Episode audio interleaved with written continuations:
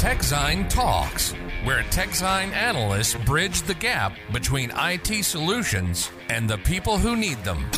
TechZine is your single source of truth. For more information and insights, visit techzine.nl or techzine.eu. Don't forget to subscribe to this podcast. Ja, daar zijn we weer met een nieuwe TechSign Talks. Uh, vandaag zijn we op locatie. We hebben vandaag uitgenodigd Arnoud Punt, Data Privacy Officer, oftewel functionaris voor de gegevensbescherming van Privacy Concepts.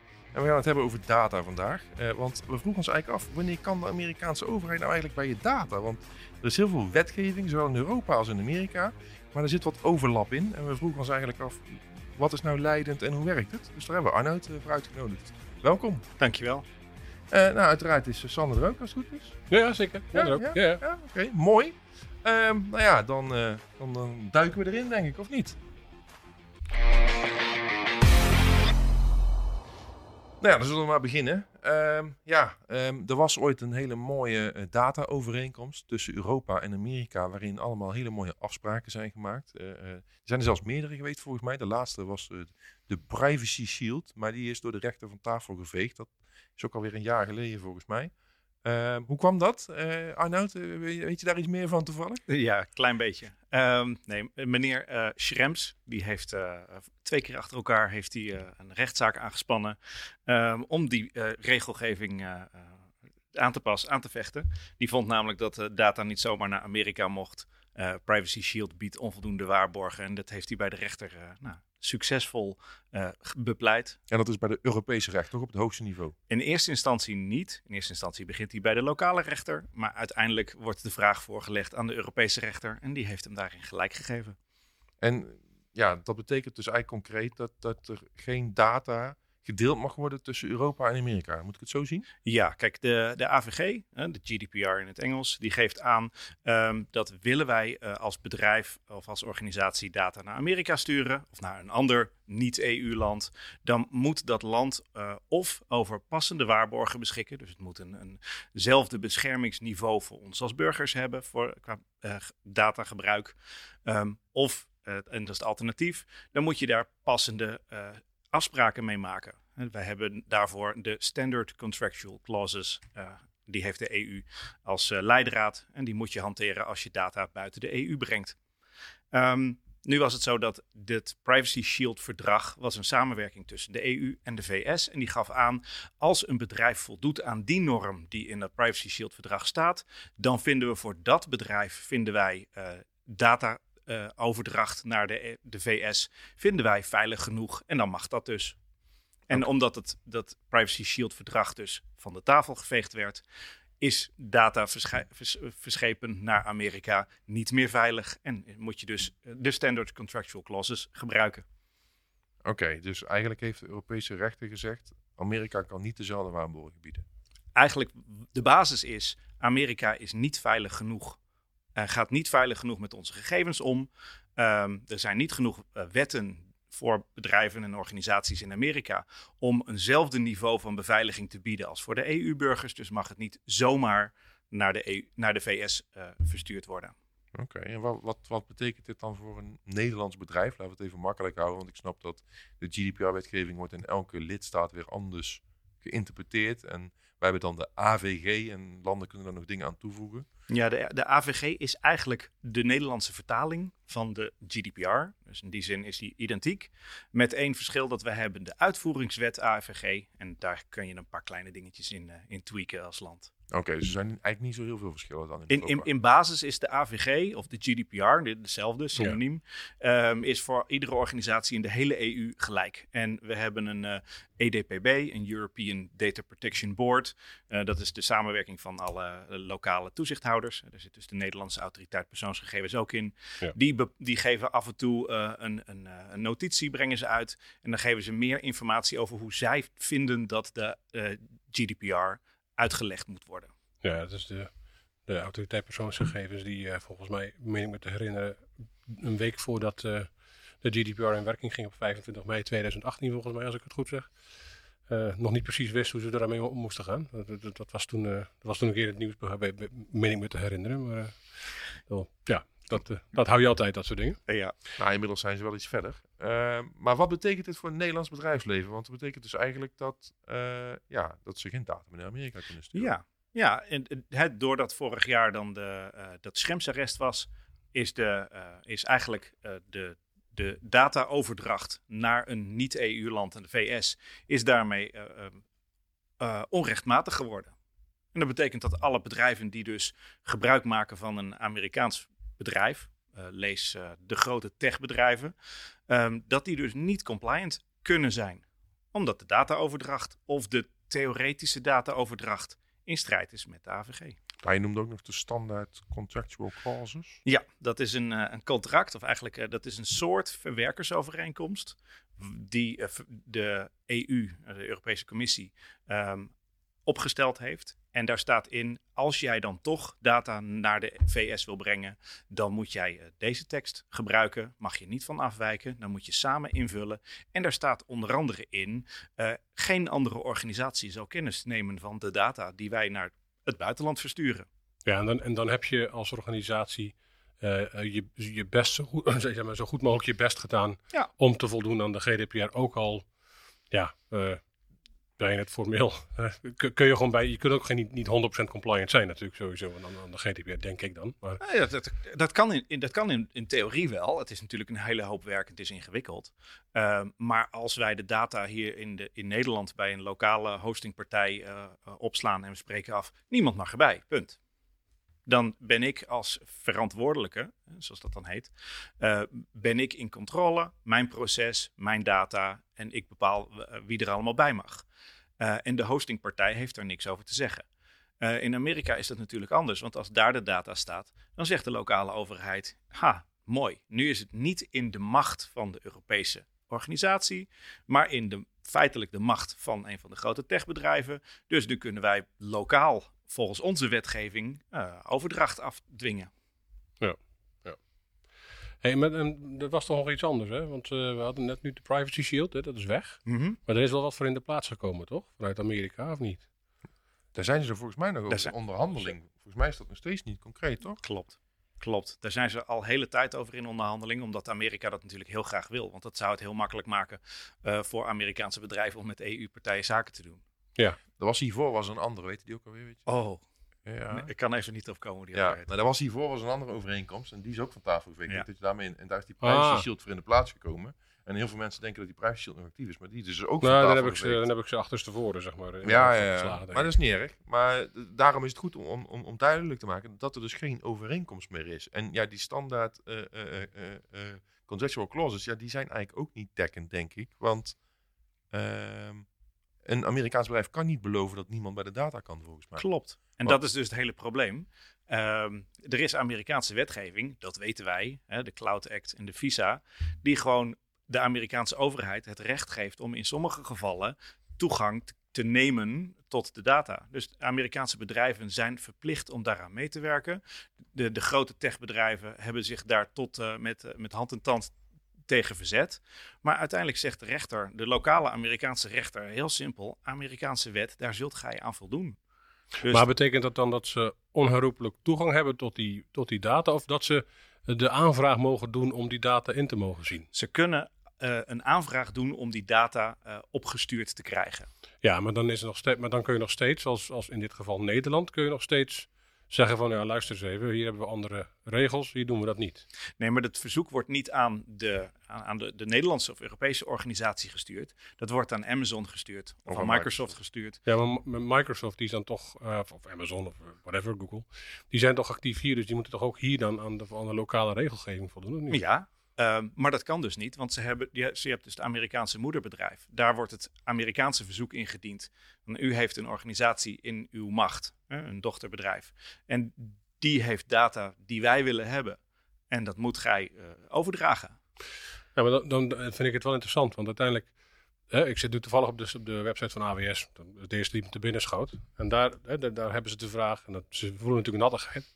Dan hebben ze de vraag, does the Cloud Act take precedence over another country's local law? En dan zeggen ze no. Dat klopt. Ja, daar hebben ze op zich ook gelijk in natuurlijk. Ja, Alleen, ze zeggen hier dan, ehm, uh, the Cloud Act recognizes the right for service providers to challenge requests that conflict with another country's laws or national interests. Mhm.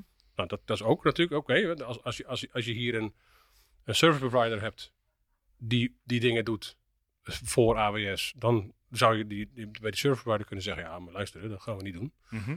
Maar dan moet hij dan alsnog wel, eh, is hij dan alsnog wel, zeg maar, antwoord schuldig aan AWS of niet?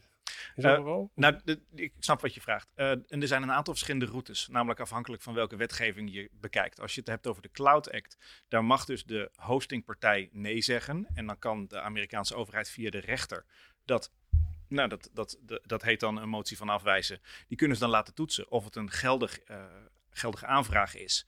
En dan, als, dat een geldig, eh, als er een go- goede reden voor is, dan moet alsnog de data verstrekt worden. Eh, en, en Visa is dat niet zo. Daar is, is allemaal zeg maar, extra eh, bevoegdheden.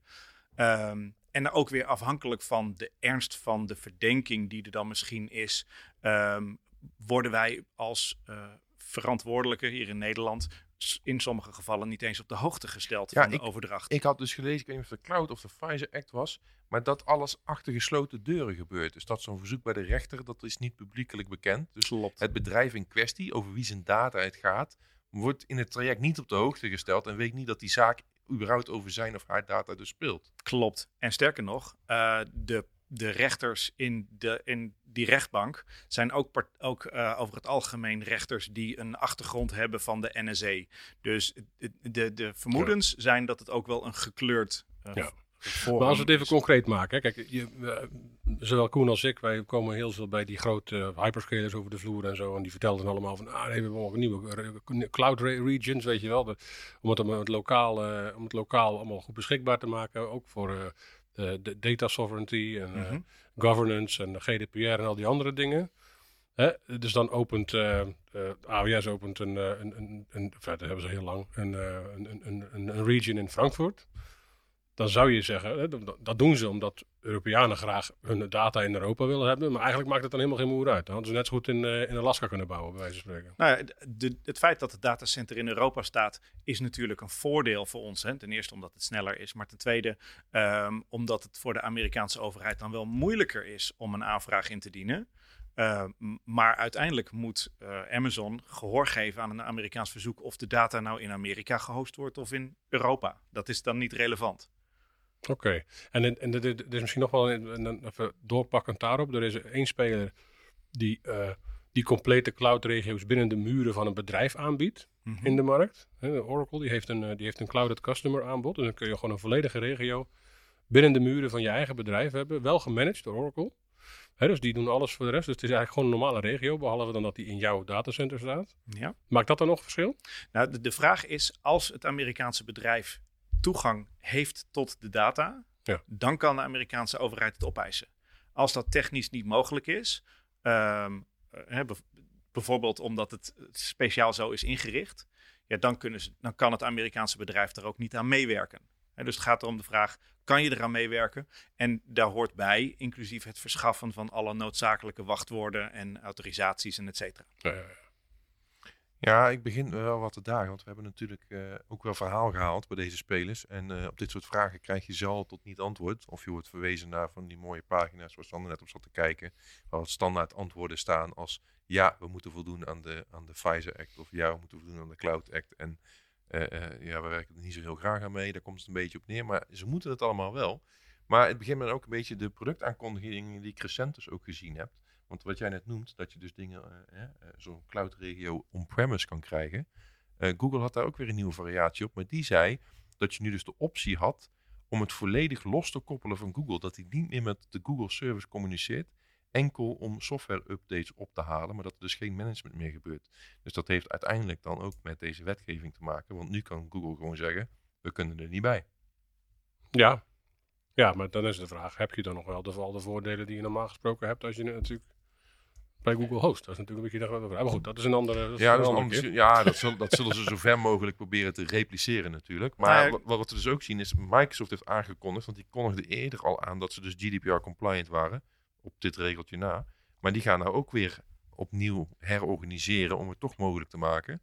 En ik heb ook begrepen dat Google samen met Thales in Frankrijk en ik geloof met T-Systems of Deutsche Telekom in Duitsland nou ook cloud-regio's gaan opzetten. Op, waarschijnlijk ook weer om dus die, die, die, die Cloud en die Pfizer Act te omzeilen. Want kennelijk hebben ook die organisaties er niet heel veel vertrouwen in dat er een nieuw dataverdrag komt wat dit wel gaat dichten. Want uiteindelijk willen die Amerikanen Europa tegemoet komen, denk je, om dit uit hun wet te halen? Want dat zal het dan eigenlijk op neerkomen. Ja, en dat gaan ze niet doen. Sterker nog, Europa heeft aangekondigd met een vergelijkbare wet bezig te zijn. Om ook onze burgers, eh, als dat volgens de politie noodzakelijk is, uh, om daar dataverzoeken in te dienen, ook bij niet-EU-bedrijven.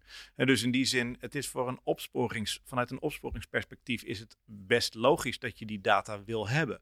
Nou is de ervaring natuurlijk dat uh, de NSA daar heel ver in gaat. Maar los daarvan um, is, het, is het vragen van informatie bij een partij, omdat je dat nodig hebt voor een opsporingstraject, is niet vreemd. Nee. Um, uh, uh, het, het, feit dat je daarmee over grenzen gaat, hè, landsgrenzen, is op zich natuurlijk ook niet vreemd. Um, alleen in het verleden is daar, daar de, de, de, autonomie van een land uh, zat daartussen. En door de internationalisering en door dit soort grote softwarepartijen um, gaat het automatisch over grenzen heen. En dus het is niet heel gek dat die wetgeving er is. En we gaan Amerika echt niet zo ver krijgen als, als Europa dat ze hun wetgeving gaan veranderen. Dus worden bedrijven nu gedwongen, omdat nou, onder andere de AVG, het allemaal prangender maakt, het meer op, op, op de spits drijft. Uh, die gaan dus oplossingen verzinnen om tegemoet te komen in nou, alle rechtsstelsels. Ja, je trekt een beetje vergelijking tussen het, het digitale en het, en, het, en, het, en het fysieke wat je vroeger had. Vroeger moesten ze bellen met de Nederlandse politie om ergens een huiszoeking te doen. En nu kunnen ze dat zeg maar overslaan. Ja. Maar dus de theorie zou eigenlijk beter zijn dat de Amerikaanse overheid contact opneemt met de Nederlandse overheid om ergens data op te vragen, zodat het dan enigszins transparant blijft. Hoeft het bedrijf in kwestie dat verdacht wordt nog niet per se geïnformeerd te worden, maar dan is wel de Nederlandse overheid op de hoogte van wat er gebeurt. En, Ja. en die stap wordt eigenlijk overgeslagen en dat, dat kan Europa dus kennelijk niet afdwingen. Nee. En het, het lastige is dat uh, dat wil Amerika ook helemaal niet meer. Hè, want die zien ook wel dat ze op deze manier veel meer data in handen krijgen dan wanneer ze de lokale justitie informeren en uh, verzoek indienen. En het tweede is dat op het moment dat ze een lokaal verzoek indienen, wordt het ook afgehandeld volgens de lokale regels. Dat betekent dat ze moeten gaan uitleggen wat precies de reden van het verzoek is. Dat ook uh, het verzoek dan wordt getoetst aan de lokale wetgeving.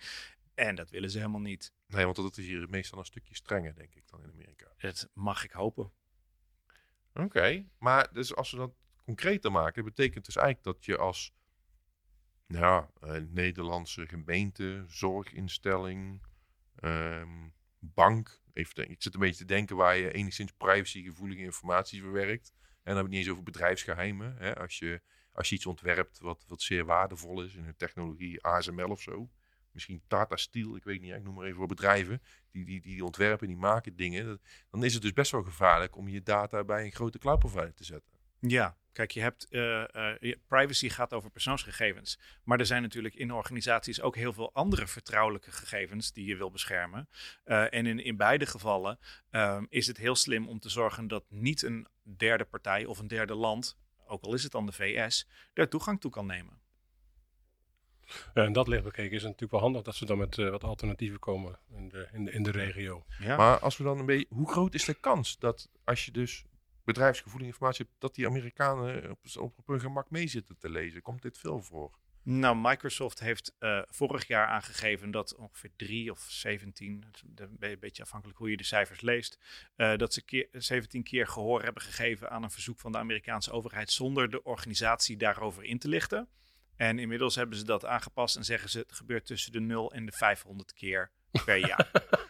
En volgens okay, de Amerikaanse ja. overheid mogen ze dan niet specifieker informeren dan dit. Oké, okay. okay, maar uh, ja, dat betekent dus ook dat al die andere partijen, nou ja, hè, Microsoft is, uh, ja, in Nederland is het een van de grotere, maar in andere landen is Amazon weer groter. Maar ja, uh, laten we zeggen dat het, dat het een paar honderd keer per jaar gebeurt. Als je al die providers bij elkaar optelt, is dat dan een ja, ja dat... dat, is een, een inschatting die we ook niet helemaal kunnen duiden dan, denk nee. ik. Omdat zoveel geheim wordt gehouden in Amerika. Ja. en dat is dus wat je zei, zonder dat de organisatie er zelf van op de hoogte is dat dat gebeurt. Ja. Dus je kunt gewoon, het kan zijn dat er, dat er data is van je eigen organisatie die opgevraagd is en ook eh, opgehaald is, Mhm. zonder dat je dat zelf weet. Ja, ja, Ook niet, dat- je krijgt niet eens achteraf een berichtje Nee. van, eh, oh, Nee, dus opgevraagd en verstrekt aan de Amerikaanse overheid. En dan is ook weer de, hè, dan zegt de Cloud Act dat ook de, de Amerikaanse overheid heel specifiek moet aangeven wie is de, wie is de betrokkenen, om welke persoon gaat het en welke informatie wil je dan hebben. Ehm, maar de verhalen en de verwachtingen zijn dat er best brede verzoeken worden ingesteld Ja. en dat er best breed informatie Dat is toch een beetje een gevalletje sleepwet, zou ik maar zeggen. een gevalletje sleepwet. Ja. Maar, maar moeten we dan denken aan persoonsgegevens, strafbare feiten? Of kan het ook bedrijfsspionage zijn? Dat is eh eh, koffiedik kijken, geen idee. Ehm, als je, mijn inschatting is dat het in heel veel gevallen zal gaan om iets wat met terrorismebestrijding te maken heeft in de brede zin. Ehm, en dan is eh, justitiële informatie interessanter dan bedrijfsinformatie. Ehm, maar dat kan Maar ook nu gaan. kan ook medische informatie door corona ineens heel interessant zijn misschien. Ja. Nou, die, die reisrestricties worden binnenkort ingetrokken. Ik kan me voorstellen dat die Amerikanen denken, oh, nou weten we toch weer wat mensen onder de leden hebben. Of Ja, niet. Nou en eh, dat is een optie. Ehm, er is in het verleden ook wel eh, een, een voorbeeld geweest van een journalist die naar Amerika ging, die eh, veel gegoogeld had naar Afghanistan, want hij was bezig met een artikel daarover schrijven. Hij had een vliegbrevet. En ehm, eh, hij was recent in Afghanistan geweest. Nou, Amerikaanse douane zei doodleuk: 1 plus 1 plus 1 is no-go. U komt het land niet in. Ehm, en dan kon hij eh, heel eh, met hoog en laag springen. Zeggen van ik ben onschuldig, er is niks mis. En, maar zeiden ze nee, eh, dit- 9-11, Ja. geen risico, u komt het land niet in. Ja, en dat is dan in ieder geval nog gebaseerd op, echte feiten. Ik heb ook wel eens een verhaal gelezen van iemand die, eh, waar, die volgens de, eh, de Amerikaanse douane, of in ieder geval in Jordanië geweest zou zijn, terwijl hij er helemaal niet geweest was. Maar toch stond er op de een of andere die stond dat ergens in zijn dossier. En die kwam er ook niet in. Dan hebben ze waarschijnlijk verschillende databronnen gecombineerd. En hij zei, het is geen mismatch. Dat denk ik ook, ja. Maar ja, dat is, dat is wel vervelend. Nou, kijk, Eh, en, en dat is precies goed dat je het zegt. Dat is een van de redenen waarom die AVG überhaupt gemaakt is. Hè? Het doel is dat wij als burger inzage kunnen krijgen in wel, wat een organisatie over ons weet. En als wij dat kunnen opvragen, dan kunnen we ook toetsen of het correct is. En de- of we niet gediscrimineerd worden. ja. Dus eh, ja, als Maar wat zou je nou, zeg maar, wat zou je nou adviseren aan, aan gewoon organisaties hier in deze regio? Eh, Doe, doe, eh, doe helemaal niks meer met, met, met, die, met die grote partijen, want dat lijkt me vrij onmogelijk. Maar Nou, ik, ik adviseer om eh, risicogericht te gaan eh, bekijken in, hoeverre je deze partijen nog kan en wil inschakelen. En dat betekent dat alle processen waar gevoelige gegevens in verstrekt worden, eh, bijvoorbeeld medische gegevens, maar ook geestelijke gezondheid, of of iemand een vuurwapenlicentie heeft. Eh, eh, eh, misschien financiële informatie. financiële informatie, eh, dat je dat in ieder geval niet op di- dit soort eh, datacenters opslaat. Ehm, en het alternatief is dat je eh, kijkt eh, in werkinstructies. Bijvoorbeeld zorg ervoor dat bepaalde informatie niet gemaild wordt in Ja. een onveilige mailbox. Ja. ja, en als je hele speciale producten ontwerpt die, eh, die nogal innovatief zijn, dan is het misschien ook beter om dat niet eh, te delen. Dat is, Gewoon uit voorzorg. Dat is überhaupt een hele goede. Maar be- be- zeg, zeg je dan van, doe het dan vooral nog gewoon binnen je, binnen je eigen muren? Laat, je er is ook zo'n zo'n regel, zo'n zo'n zo'n dingetje dat je je data ook een beetje eh, goed moet backuppen en dat soort Ja. dingen allemaal. In een geval met, eh, als er een ransomware aanval is of dit soort dingen allemaal.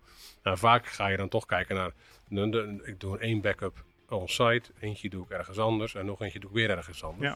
Ja. Is, er, is er dan nog wel genoeg eh, zeg maar, zijn er nog genoeg locaties over om die, om die fatsoenlijke strategie op, eh, van je, ook van persoonlijke data te kunnen, te kunnen handhaven? Nou, kijk, als jij een, een, veilige opslaglocatie hebt, eh, in huis of ergens op een, op een, op een datacenter, dan eh, niet eh, grote partijen datacenter, dan is dat natuurlijk al heel mooi. En als je dan vervolgens afspreekt, wij gaan veilig mailen en wij gaan de, de bijlages in de mails, gaan we zorgen dat die automatisch na een maand niet meer toegankelijk zijn. En dan word je verplicht als gebruiker om het op te slaan op de veilige plek die je daarvoor hebt ingericht. En dan is je risico al een stuk beperkter. En is heel Europa dan een veilige plek? Gezien Ehm, de wet? Eh, Volgens de wet is Europa eh, veilig. En dat betekent dat, eh, dat we hetzelfde niveau van bescherming moeten hebben. Dus als je een lokale Europese speler gebruikt met datacenters in Europa, dan kan je daar in principe overal je data op. Ja. En valt het Verenigd Koninkrijk daar nog onder? Nou, door de hele Brexit niet meer. Oké, dus die volgen niet meer helemaal de GDPR. Nee, maar die ze hebben wel een adequatiebesluit gekregen. Dat betekent dat de Europese Unie heeft, eh, Commissie heeft aangegeven dat eh, het beschermingsniveau in het Verenigd Koninkrijk vergelijkbaar is met de GDPR. Oké, dus als iemand nu zijn backupjes in, eh, in, in Londen heeft staan, dan hoeft hij zich geen zorgen te maken. Nee. Nou, dat is nog wel weer een wijze les extra.